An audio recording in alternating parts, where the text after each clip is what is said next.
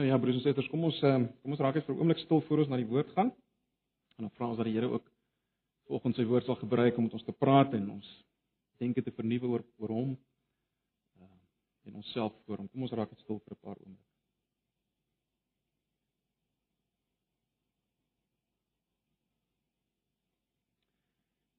Here, ons het nou lofliedere gesing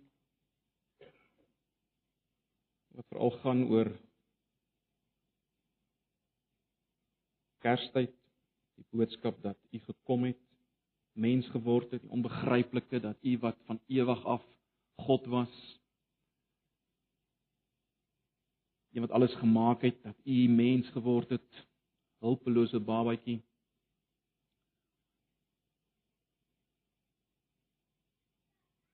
om ons te kom verlos en te bevry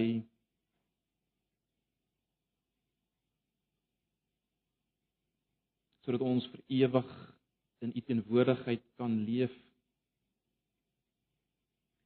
Here is nog steeds vir ons te groot om werklik te begryp. En ons wil maar net bid dat u in hierdie Kerstyd ons opnuut sal vervul met verstomming en verbasing oor dit wat u vir ons gedoen het in Jesus. U liefde vir ons. U genade ten spyte van wat ons in onsself is. Nou wil ons vra ook in hierdie oggend Here dat U U woord sal gebruik om met ons te praat, ons aan te spreek waar nodig en om ons maar net te dryf na U self. Asseblief Here, ons bid net in hierdie oggend vir die vele wat nie hier kan wees nie, wat iewers is op vakansie, wat siek is vanoggend, wil U baie naby aan hulle wees en ook hulle versterk en bemoedig deur die Gees in hierdie oggend. Ons vra dit in Jesus se naam. Ons bly vanoggend na Lukas hoofstuk 20. Dis 'n gelykenis van Jesus. Ek wil hê ons moet vanoggend 'n bietjie daarna kyk.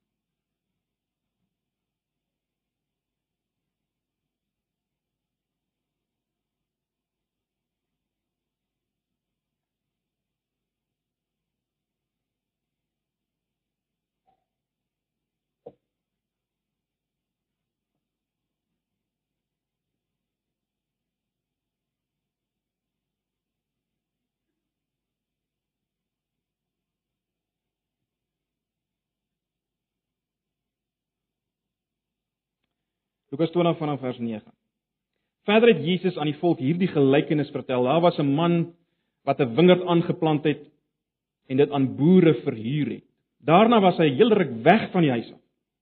Toe dit tyd was daarvoor, stuur hy 'n slaaf na die boere om sy deel van die wingerd se opbrengs te gaan haal. Maar die boere het die slaaf geslaan en met leë hande weggejaag. Die eienaar het weer probeer en 'n ander slaaf gestuur, maar hulle het hierdie een ook geslaan en uitgeskel en met leë hande weggejaag. Die eienaar het nog 'n keer geprobeer om 'n derde en 'n derde slaaf gestuur. Hulle het hom geslaan dat die bloed loop en hulle het hom uit die wingerd uitgegooi. Toe sê die eienaar van die wingerd: "Wat moet ek nou doen?" Ek sal my geliefde seun stuur, miskien sal hulle hom ontsien. Maar toe die boere hom sien, het hulle onder mekaar geredeneer: "Dit is die erfgenaam, kom ons slaan hom dood dan is die erfenis ons in. Toe gooi hulle hom uit die wingerd uit en slaan hom dood. Wat sal die eienaar van die wingerd dan met hulle doen? Hy sal kom en daardie boere om die lewe bring en die wingerd vir ander mense gee. Die wat dit gehoor het sê toe: Nee, dit moenie gebeur nie. Vers 17, maar Jesus het hulle aangekyk en gesê: Wat beteken hierdie skrifwoord dan? Die klip wat deur die bouers afgekeur is, juis hy het die belangrikste klip in die gebou geword. Elkeen wat op hierdie klip val, sal verpletter word. Elkeen op wie hy val, sal hy vermorsel. Die skrifgeleerders en die priesterhoofde het besef dat Jesus met hierdie gelykenis op hulle gesinspel het. Daarom wou hulle hom sommer daar en dan gevange neem, maar hulle was bang vir die volk. Lees net so ver. Nou broers en susters, ek dink julle sal saamstem as daar een ding is wat ons met met weerstand en met met woede vervul, is dit wanneer ons aan iemand guns bewys het, goed gedoen het, miskien vir al oor 'n lang tydperk en dan draai daai persoon sy rug op ons. Ek meen dis dis 'n belediging soos min, is dit nie? Nou, ek wil die stelling maak vir oggend dat dat hierdie Kerstyd ons nie net moet herinner aan die grootste geskenk van alle tye nie, verseker uh moet ons in hierdie Kerstyd dink aan die grootste geskenk aan die wêreld van alle tye. Ons sal nog weer daaroor praat. Maar ek wil hê ons moet ook hierdie Kerstyd dink aan die grootste belediging in die geskiedenis van alle tye. Grootste belediging in die geskiedenis van alle tye. Grootste belediging ooit in die wêreld. En my vertroue is dat uh dat nadenke oor hierdie groot belediging ons juis sal dryf om die groot geskenk meer te waardeer, te omhels. Te vat vir wat dit is, die grootste geskenk van alle tye. Kom ons kyk na hierdie gelykenis en ek wil hê ons moet aan hierdie gelykenis kyk onder drie opskrifte. Eerstens wil ek hê ons moet na kyk na wat ek wil noem die wingerd en ons probleem. Die wingerd en ons probleem. Dan wil ek kyk na die moord op die seun en my en jou skuld. En in die derde plek na die klip en uh wat ek wil noem ons grootste gevaar. Dit is die drie opskrifte. So kom ons kyk 'n bietjie daarna.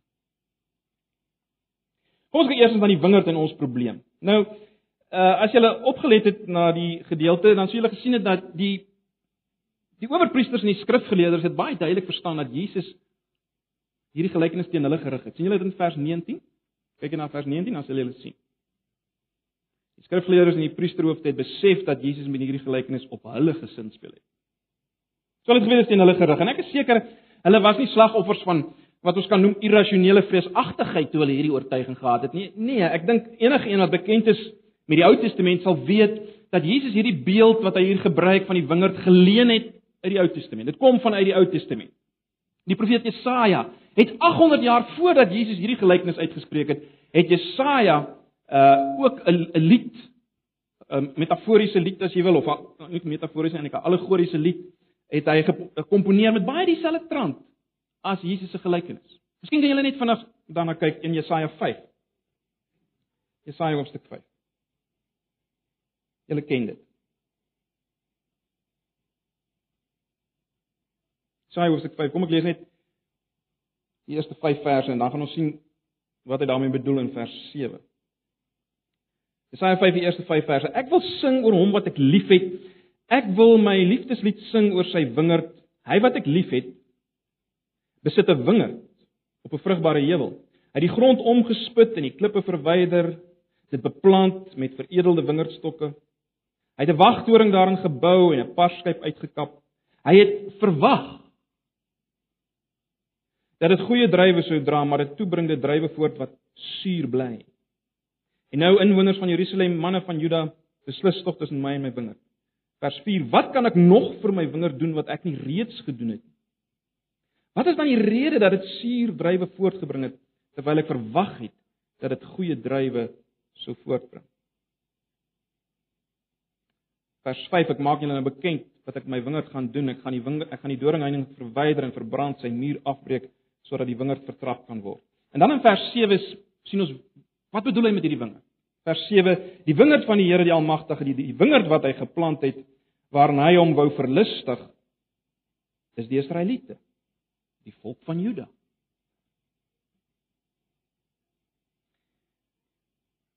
So broers en susters, ons kan vir mekaar sê Jesaja se lied was bloot eenvoudig te beroemd en die ooreenkomste te duidelik om of dit te voor die hand liggend om om te mis dit wat uh, wat Jesus hier sê en die die die Jode sou nie die implikasies daarvan kon kon miskyk vir hulle self nie. Wie is die wingerd? Nou, baie duidelik ons het gesien. Die wingerd in Jesus se gelykenis is dieselfde as die wingerd in Jesaja. Dis God se volk. Die volk Israel. Die volk van God. Wie is die een wat die wingerd geplant het? Wel, God self. Wie is die diensknegte wat hy gestuur het na hierdie wingerd? Wel, die profete, né? En die slegte boere vir wie Jesus die blame gee vir die onproduktiwiteit van hierdie wingerd, wie's hulle? Wel, jy het nie baie verbeelding nodig om te besef dis in die eerste plek Israel se leiers. Dis in die eerste plek Israel se leiers nie. Ek meen hulle was op hierdie oomblik wat Jesus met hulle gepraat het, was hulle besig om Jesus se ondergang te beplan, né? Nee. Dit is waarom hulle besig was. En en hulle daarom heeltemal reg om te gedink dat Jesus met hulle praat. Hy praat met hulle. En dit is nie die eerste keer nie. Jy kan maar weer net Lukas 11 gaan lees. Af vers 46 tot 49 is amper op kommentaar op hierdie gelykenis. Hy praat met hulle.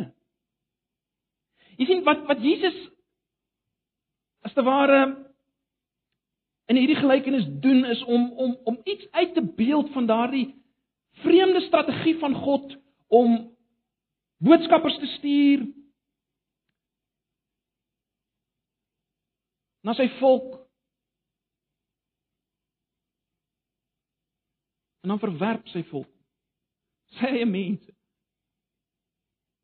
Hulle weier om om die vrug voort te bring wat God wil hê hulle moet voortbring. Die vrug van geregtigheid 'n lewe vir hom. Dis net nie daar nie. En dis iets daarvan wat Jesus hier uitbeeld. Hierdie vreemde strategie dat God aanhou om om boodskappers te stuur na hierdie volk. Om hulle op te roep en en hulle weier net om enigstens vrug te dra. Maar nou. Broers en susters, nou is die gevaar natuurlik vir ons onmiddellik om te sê, "Ja, dis nou interessant." Jy weet, dis nou interessant.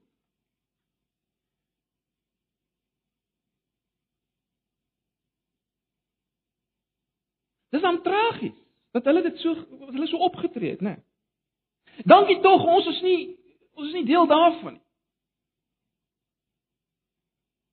En broers en susters, as ons so sou reageer ver oggend, dan dan verloor die gelykenis natuurlik al sy skok en al sy impak. Dan verloor hierdie gelykenis sy angel.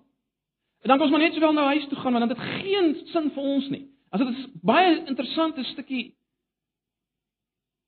Bybelkennis, né? Nee.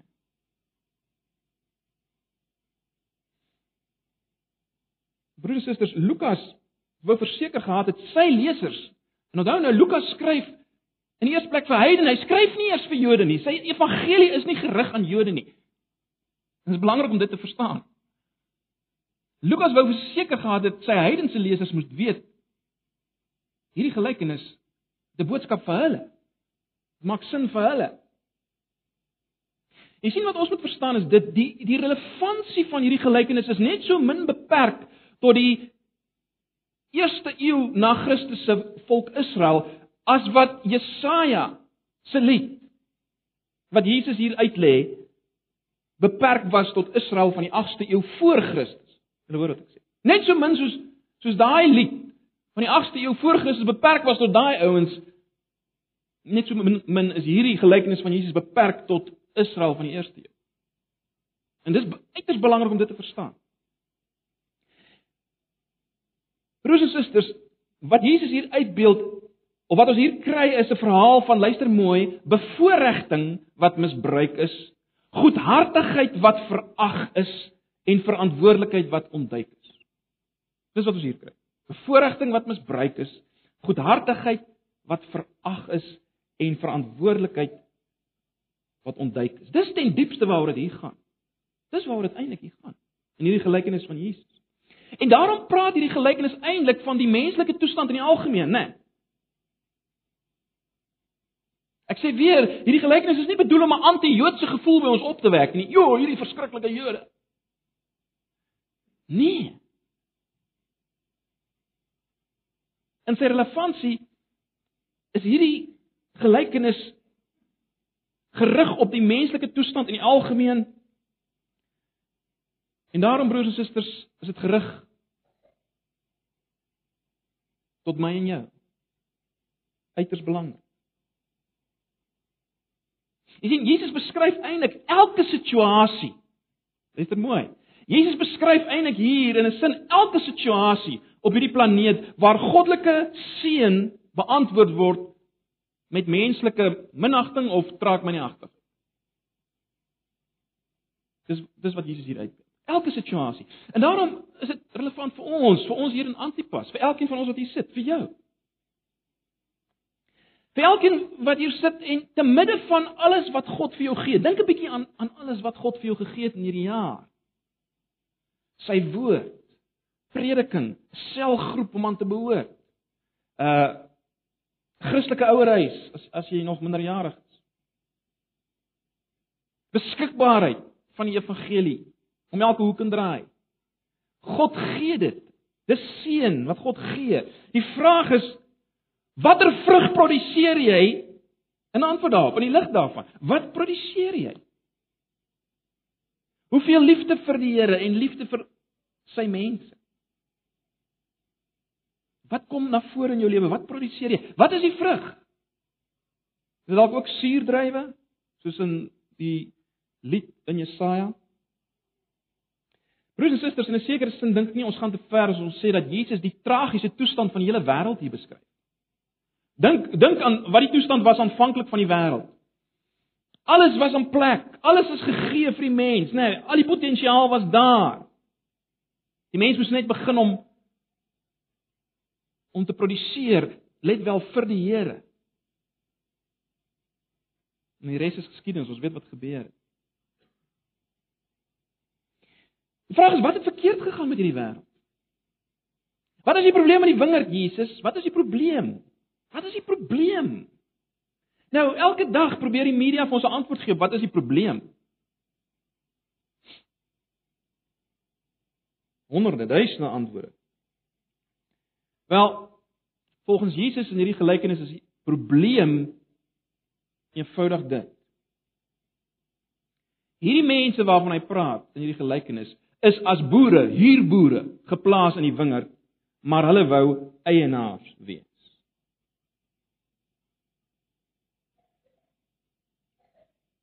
Kyk net weer na vers 14.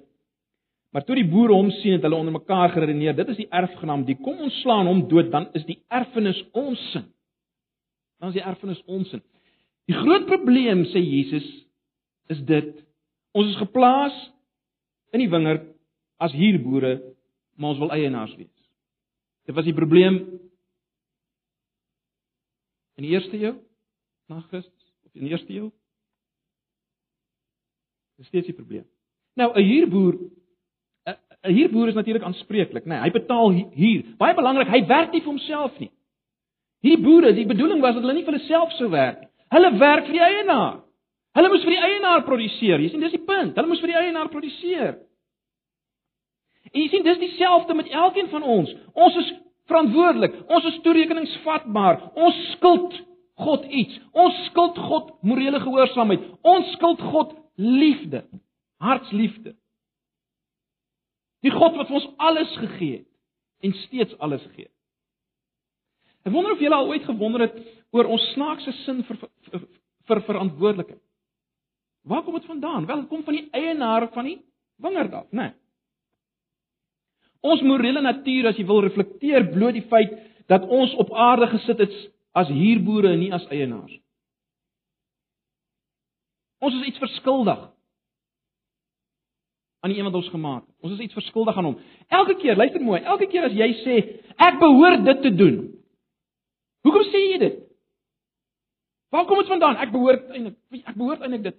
Waar kom dit vandaan? Wel, dit getuig van hierdie feit. Getuig van hierdie feit dat jy is hier op aarde as hierboer. Jy skuld iemand iets. Jy behoort iets te doen vir iemand. Die basiese rede broers en susters waarom die wingerd 'n gemors is, is omrede mans en vrouens en kinders, wie dit ook al mag wees, Jode, heidene, maak nie saak wie hulle is nie, weghardloop van hulle verantwoordelikheid. Ons hardloop weg vir ons verantwoordelikheid. Kyk, in die tuin het het die slang vir Eva gesê in effek, jy kan ook God wees, En dis ons probleem, né? Nee, van Genesis 3 af is dit die probleem. Ons glo die leuen. Ons glo regtig die leuen dat ons ook aan God wees. Broers, dis daarom dink ek gaan ons nie te ver as ons sê dat die Joodse verwerping van die profete is niks anders as die menslike verwerping van God in die algemeen nie. En en Paulus maak dit duidelik dat dit so is, né? Nee. Gaan lees maar weer Romeine. Paulus maak dit duidelik dat Jode en heidene lê op dieselfde vlak wat betref hulle skuld. Lê op dieselfde vlak. Die een het sy gewete en die ander een het die woord gehad. Maar maar is dieselfde. Hulle staan op dieselfde plek. Paulus maak dit baie duidelik in Romeine. Almal is sonder verskoning. Ons is almal hier boere met agterstallige huur. Gaan lees maar Romeine 1 tot 3, hoofstuk 1 tot 3. Ons is almal hier boere met agterstallige huur. En nou, dit is let wel, hoekom die eienaar inmeng in ons lewens. Dis hoekom hy inmeng. En nou is die verstommende ding dat wanneer hy inmeng volgens hierdie gelykenis nou nou ons trek dit die punt deur dat hierdie gelykenis is relevant vir ons. Nou as ons nou hierna kyk, dan sien ons dat wanneer hy inmeng, is ons reaksie nie een van verbasing nie, maar een van teenstand. Ons staan dit teen. Jy sien dis die, die dis die dis die worteloorsaak van die mislukking van die wêreld, maar dis ook die worteloorsaak hoekom jy laphase en ligspieelings jaag van geluk en gesondheid en welvaart wat nooit bevredig nie. Dis hoekom jy nooit bevredig word deur al die dinge wat jy agter jaag of nastreef en najag. Wat is die probleem? Jy wil nie 'n huurboer wees nie, jy wil 'n eienaar wees en dis nie waarvoor jy hier is nie. En daarom gaan jy nooit gelukkig wees. Dis nie waarvoor jy hier is. Jy wat wat alles doen net om jouself in die middelpunt te plaas en alles gaan oor jou. Jy sal nooit gelukkig wees nie want jy's hier geplaas as 'n huurboer. En dit is dis geweldige ondankbaarheid, is dit nie? Dis geweldige ondankbaarheid. Ons swaai ons klein feesies voor God. Teen die almagtige God. En ons verwerp alles wat hy stuur om ons te herinner aan ons verantwoordelikheid. Alles wat hy doen om ons te herinner aan ons verantwoordelikheid, vee ons uit die weg uit. Soos hierdie ouens alles uit die weg uit gevee het in hierdie gelykenis wat hulle herinner het aan hulle verantwoordelikheid om nou die vrug te lewer wat die eienaar soek. En mens vra jouself, sekerlik sal hy dit nie duld nie. Sal sal hy dit doen? En en die onbegryplike ding in Jesus se gelykenis is dat die eienaar dit so lank duld. Dis die onbegryplike ding. En dit bring ons nou by ons tweede by ons tweede opskrif. Die moord op die seun en ons eie skuld. Die moord op die seun en ons eie skuld. Kyk net weer na vers 13. Toe sê die eienaar van die wingerd: "Wat moet ek nou doen? Ek sal my geliefde seun stuur. Miskien sal hulle hom ontsien. Wat sal ek nou doen?" Sal my geliefde seun stuur. Miskien sal hulle hom ontsien. Ek hoop julle sien die geweldige empatie in hierdie vers. Kyk wat Jesus hier uitbeeld as hy praat van die die diensknegte wat gestuur word. Wat hy hier uitbeeld is is God wat rebelse mense geleentheid op geleentheid gee vir bekering, is dit nie?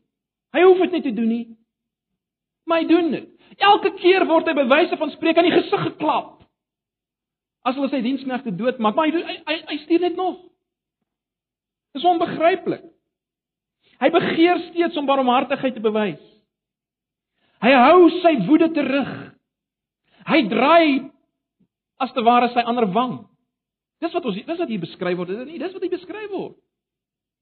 En dan dan kom hy as te ware by die punt waar hy sê hy sal hulle 'n laaste kans gee.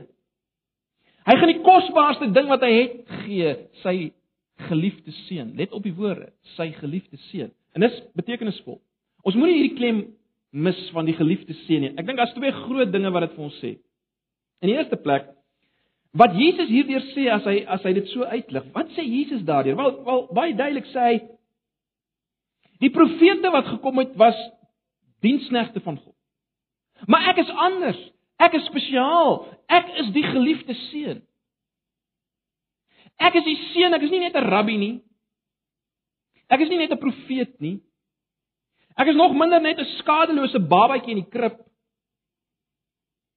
Ek is die seun van God. En as gevolg van daardie goddelike seunskap het ek absolute autoriteit. Ek is God self.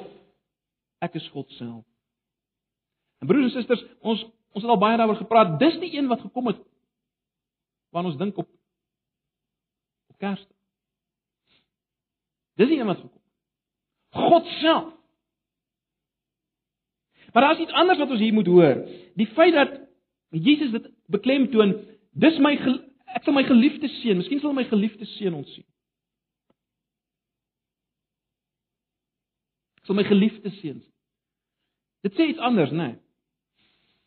Ons wat ouers is, verstaan iets daarvan. Kyk, mense is baie keer nog bereid om homself ehm um, verwerping te hanteer en belediging ensovoorts. Maar laat iemand aan jou geliefde kind vat.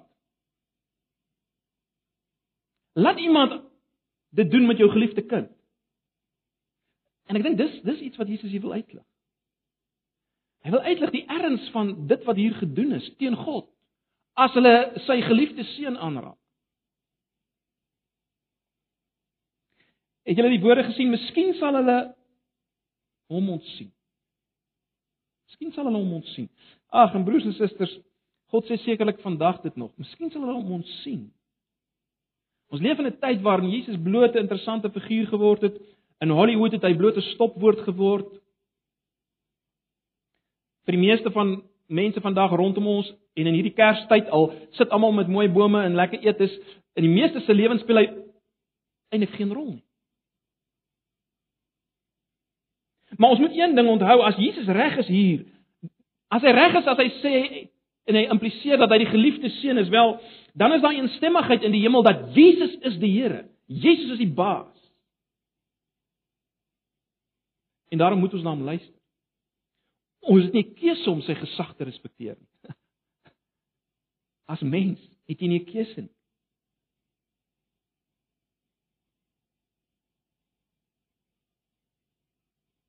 En hy's God se oogappel. Maar nou die vreeslike waarheid, die vreeslike waarheid wat Jesus hier uitlig is dit. Ons luister nie na hierdie seun nie. Dan nou ek praat van die mensdom en ek sluit ons in. Doelbewus. Die tragiese is, die vreeslike is ons luister nie. En die ongelooflike ding hier is dat Jesus dit voor die tyd geweet het. As hy in vers 14 en 15 praat, uh Kom ons lees net vers 14 en 15. Maar toe die boere hom sien het hulle onder mekaar geredeneer, dit is die erfgenaam die. Kom ons slaan hom dood, dan is die erfenis ons in. Vers 15. Toe gooi hulle hom uit die wingerd uit en slaan hom dood. Wat sal die eienaar van die wingerd dan met hulle doen? As Jesus in hierdie gelykenis dit sê, dan dan kyk hy as te ware vooruit en hy voorspel dat ons hom nie wil hê nie. Dat ons nie gaan luister nie. Jy sien dit lank dis lank voor dit gebeur het, né? Lank voor sy kruising, nie lank nie, maar dis voor sy kruising. En hy voorspel dit. En dit bring ons bietjie by die kruis. Nou daar's so baie dimensies aan die betekenis van die kruis en ons het sekerlik omtrent al aan die meeste dimensies aandag gegee in, in die gemeente. Die kruis is so sentraal in die evangelie. En dit is onmoontlik om om alles al die betekenis van die kruis saam te vat. Maar dink tog hier in die gelykenis broers en susters kry ons een fokus, een element van die kruis wat ons dikwels mis. Een een aspek, een element wat ons dikwels mis. Die kruis volgens Jesus is die uiterste belediging. Die kruis volgens Jesus is die uiterste belediging.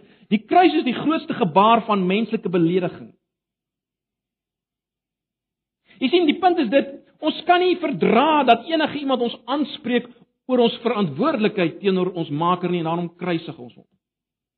Ons hou nie daarvan dat iemand ons aanspreek oor ons oor die gebruik van ons tyd en ons geld.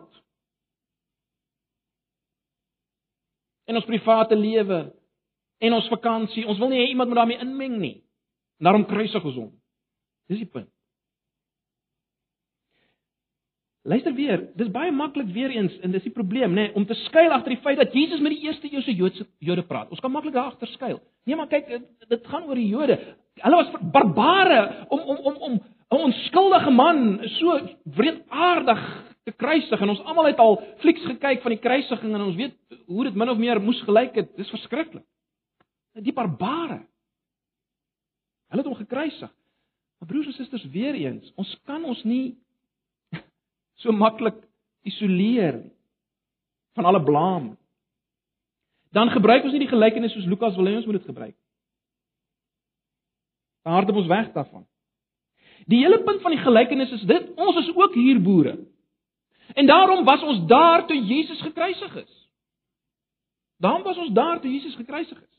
Sommige van ons was saam met die Romeinse birokrasie. Ander van ons was met die wrede soldate en en dan was daar van ons wat tussen die fariseërs was, snoesig in hulle Bybelse ortodoksie. Was ons daar tussen die fariseërs, maar statistieke vereis dat die meeste van ons tussen die skare was wat geskree het: "Kruisig hom, kruisig hom, laat Barabbas vry."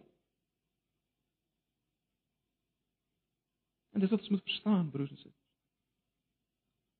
Ons moet eienaarskap daarvan neem. Ja, ek weet. Ons hande was miskien nie fisies die hande wat die spykers ingeslaan het nie. Maar ons harte ons harte is rebels genoeg om dit te gedoen het. Om die waarheid te sê, die Nuwe Testament maak dit duidelik ons kan hom weer kruisig. Hebreërs 6 waarna ons gekyk het. Iemand wat wat iets verstaan het van die feit dat hy self Jesus gekruisig is gekruisig het was 'n uh, eh, Horatius Bonar, ek weet nie of julle van hom weet nie, hy was 'n uh, baie bekende uh Skotse hymnwriter. En hy het die volgende hy die volgende uitge, uitgelig in 'n lied. Luister mooi daarna. Hy sê it was I it was I that shed the sacred blood.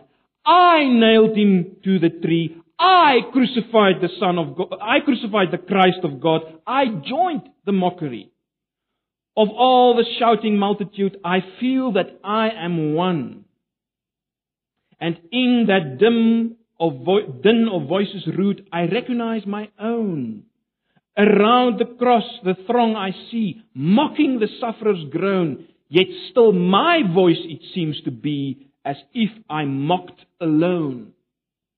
Jy sien, ek en jy moet by daai punt kom dat ons besef ons het hom gekruisig.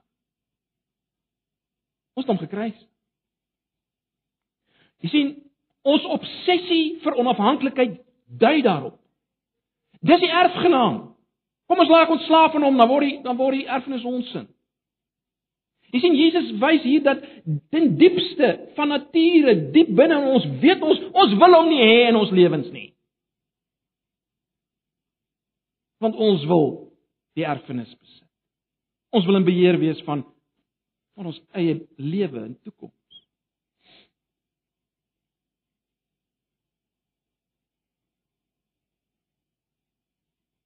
En dit bring ons by ons laaste opskrif. Die klip in ons grootste gevaar. Ons lees dit weer vers 15 en 16. Toe gooi hulle hom uit die wingerd uit en slaan hom dood. Wat sal die eienaar van die wingerd dan met hulle doen? Hy sal kom en daardie boere om die lewe bring. En die wingerd vir ander mense gee. Weereens is dit is die aanvanklike verwysing na die Jode wat deur die verwerping van die Messias hulle bevoordeelde posisie verloor het, nê. Nee. Dit was 'n verplettering vir al hulle ideale hierdie, hoor. Maar maar nou baie belangrik weer eens broers en susters, net soos dit dwaas sou wees om te sê ja, maar hulle en hulle alleen is die slegte huurboere. Net so sal dit dwaas wees om te dink hulle is die enigste mense met wie God ongelukkig is.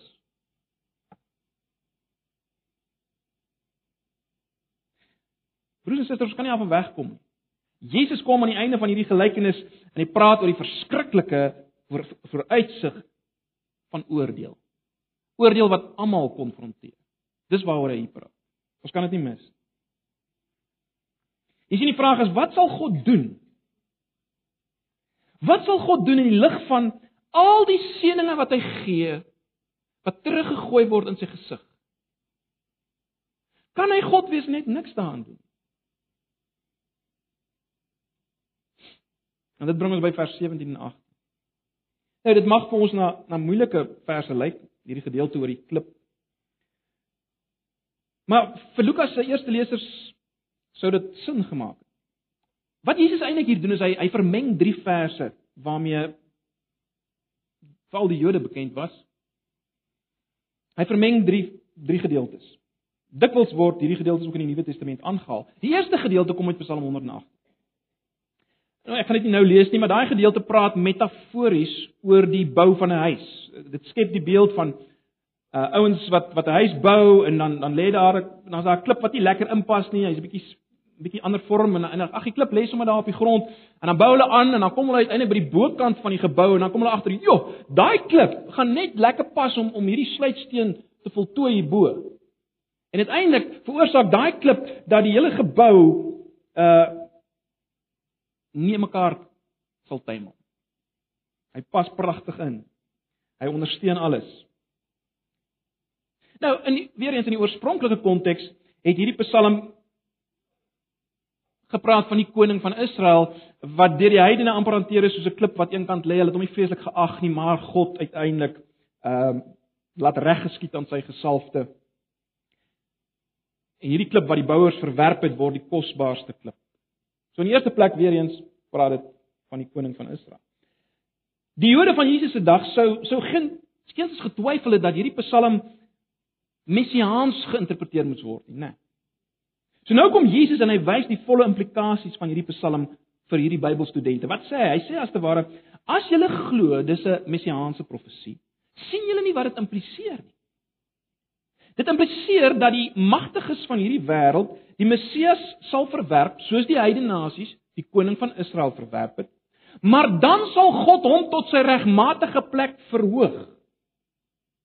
En die punt is nou dit, My storie, dis wat Jesus as te ware sê, my storie van die verwerpte seun word bevestig deur hierdie skrif wat julle so goed ken. Hierdie skrif oor die verwerpte klip, dit bevestig of dit word bevestig deur my storie van die verwerpte seun.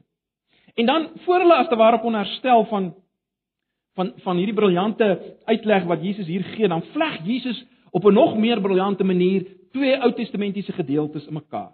Jesaja 8 en Daniël 2. Jesaja 8 en Daniël 2. Wat albei praat oor klippe. Praat albei oor klippe net soos die Psalm oor klippe praat. In die Jesaja teks waarsku die Here vir Israel dat of, of waarsku Jesaja vir Israel, die Here deur Jesaja, dat as hulle die Here nie vertrou nie, dan gaan die Here soos 'n klip word waaroor hulle heeltyd struikel. Né? Nee, hy gaan heeltyd in die pad wees man en hulle gaan struikel oor hom. Dis die klip in Jesaja. In Daniël, wel ons ons ken dit nê, nee, praat die klip van van die koninkryk van God wat uiteindelik al die ander koninkryke gaan verpletter en uiteindelik gaan alles deur hierdie klip versplinter word. Alles wat opstaan teen die koninkryk van God. Dis die klip in Daniël. So nou kom Jesus en hy voeg dit alles saam hier in sy gelykenis en wat is die punt? Sy punt is dit, luister. Die steen wat die bouers verwerp het, lê nou op die grond. Julle beplan sy ondergang, julle struikel oor hom, maar pas op. Julle gaan nie net oor hom struikel soos Jesaja sê nie. Pas op, hy gaan verhoog word. En dan gaan gebeur waarvan Daniël praat. Hy gaan julle verbrysel. Hy gaan op julle val. Hy gaan nie meer net 'n lastigheid in julle pad wees nie, hy gaan julle verbrysel. Met ander woorde, wat sê Jesus? Julle speel met vuur as julle my verwerp. My die kers geskenk as jy wil. Julle speel met vuur as julle my verwerp. Dink julle God gaan sulke absurde parmantigheid van die menslike ras vir altyd duld? Dink julle dink julle hy gaan hande gevou staan terwyl mense dit aan sy geliefde seun doen? Dit is mos absurd om dit te dink. Dit is irrasioneel om so te dink. So broers en susters, die punt wat Jesus hier uitlig is dit. Daar kom 'n dag van afrekening en wat julle doen met die seun, die steen bepaal waar jy die ewigheid gaan deurbring. Bepaal wat met jou gaan gebeur. Jy sien dit is uiters belangrik wat jy doen met die baba van Kersfees. So, moet baie kort te maak broers en susters. Hoe sien Jesus die toekoms? Wat is ons Wat is ons groot gevaar? Daar kom 'n dag van afrekening. Daar kom 'n dag van rekenskap.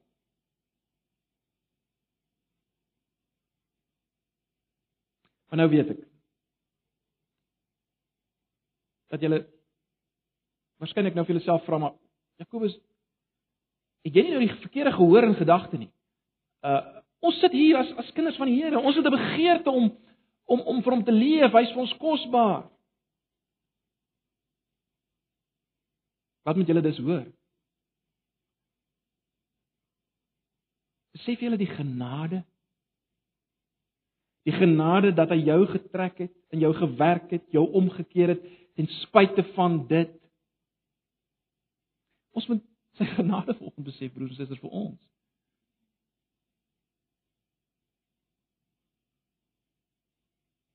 Absoluut. Absoluut. En as ons nou hierdie Kerstyd ingaan, kom ons Kom ons dink hieroor. Kom ons onthou waarvoor het hy gekom? Wel hy het gekom om om vrug in te saam. En ons wou hom nie gehad het nie. En die ongelooflike is alhoewel ek en jy hom vermoor het. Het hy dit gebruik, juis daardie moord om my en jou skuld uit te delg, sodat ons nie hoef verdoem te word nie. Daardie selfe kruis wat hy gebruik. Dis die dis die ongelooflike, dis die amper irrasionele van die Bybel dat God dit gedoen het. Ons kruisig hom en daardie kruisiging is ons eie bevryding. Hy gebruik dit om ons te bevry. Hy neem ons skuld op hom. Dis verstommend, is dit nie? Dit is die evangelie. En nou baie belangrik en dis ek wil nie nou daarop te lank uitbrei, maar dit is interessant, is dit nie? Dat Jesus in Johannes 15 kom en dan sê hy ek is die ware wingerdstok. Hoekom sê hy is die ware wingerdstok? Want hy het geweet, hulle weet van die ander ander wingerdstok, Israel, wat nie kon vrug dra nie. Jy sien, die hele punt is dit en ons moet dit hoor. Net Jesus kan vir God gee wat God wil hê. Net Jesus kan die vrug dra wat God verwag. En daarom is dit so ongelooflik belangrik om in Jesus te wees. Bly in my. Bly in my sê Jesus. Bly in die een wat Kerstyd gekom het. Dan kan jy vrug dra wat God verwag. Dan alleen kan jy oordeel vryspring. Bly in my. Bly in my. Ek is die ware wingerdstok. Ag broers en susters.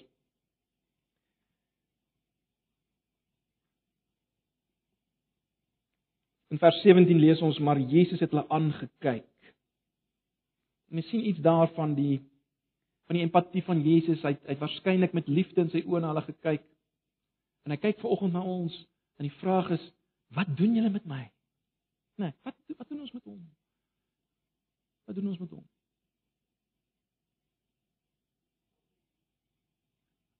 Ag, broers en susters, my gebed is dat dit nie so sal wees dat ons hom weer sal kruisig. As hy wil inmeng in ons lewens. Maar dat ons na hom sal vlug. Laat ons in die eerste plek sal erken dat ons God beledig en beledig het. Dat ons om verskoning sal vra. Dat met ander woorde dat ons sal sal pleit vir vergifnis. Na hom sal kom in hierdie Kerstyd. Sal pleit vir vergifnis en dat ons ons plek sal inneem, luister mooi, as huurboere. So dis dis my gebed vir ons vir Kerstyd, dat ons in hierdie Kerstyd weer opnuut sal besef, ons is hier as huurboere. Kom ons neem ons plek in as huurboere. Ons is nie eienaars nie. Ons is daar om vir hom te produseer. Dit gaan oor hom. Kerstyd moet ons sê, dit gaan oor hom en nie oor my nie. Dis nie ek wat 'n persente kry, persente kry, persente kry nie. Ek skuld hom alles. Mag die Here ons help. Ons hierdie gelykenis voor oë sal hou in hierdie Kerstyd. En dat Jesus net al kosbaarder vir ons sal word in die lig van wat ons volgens gesien het. Kom ons bid saam. Here, dankie vir u woord. Dankie vir u woord wat werklik skerp is en twee snykante het. Ek wil bid dat U die woord vanoggend sal gebruik in my eie lewe en elkeen van ons se lewens. Ag Here, help ons om weer nie te dink oor waarvoor ons hier is, ons plek en oor die belangrikheid van U self, Here Jesus. Asseblief. Mag nou die genade van ons Here Jesus en die liefde van God en die gemeenskap van sy Heilige Gees by julle wees in hierdie Kerstyd en mag julle julle plek inneem as verantwoordelike hierboere in sy wingerd. Amen.